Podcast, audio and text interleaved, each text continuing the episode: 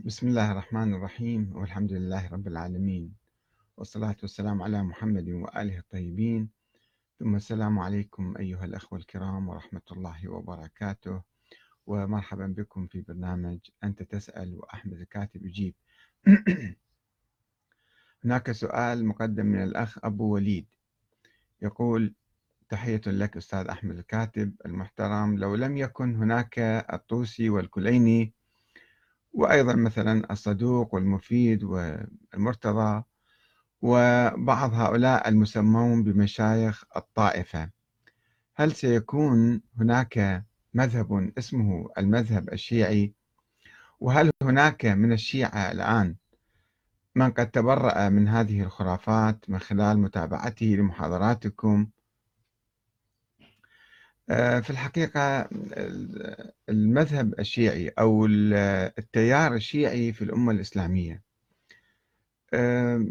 هو موجود في عمق الأمة الإسلامية.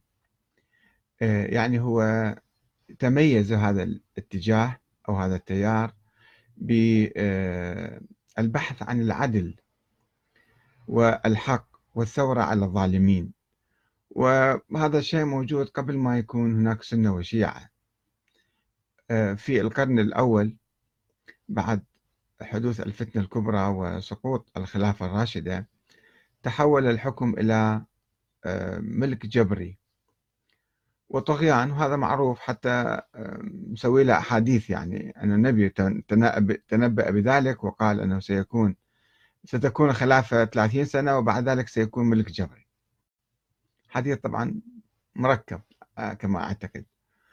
آه، وطبعا في مقابل التحول هذا الكبير اللي حصل بالأمة الإسلامية إلى الملك الجبري الملك العضوض والتحويل الخلافة من خلافة قائمة على الشورى وخلافة راشدة إلى حكم يقوم على التوريث والسيطرة بالقوة والإرهاب على المسلمين. كان طبيعي أن يستدعي ذلك رد فعل من قبل الأمة الإسلامية.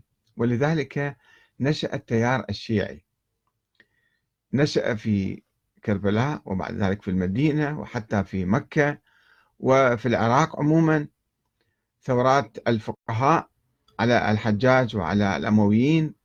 وإلى أن حدثت الثورة العباسية اللي كانت هي تعبير عن ثورة شيعية عارمة في الأمة الإسلامية.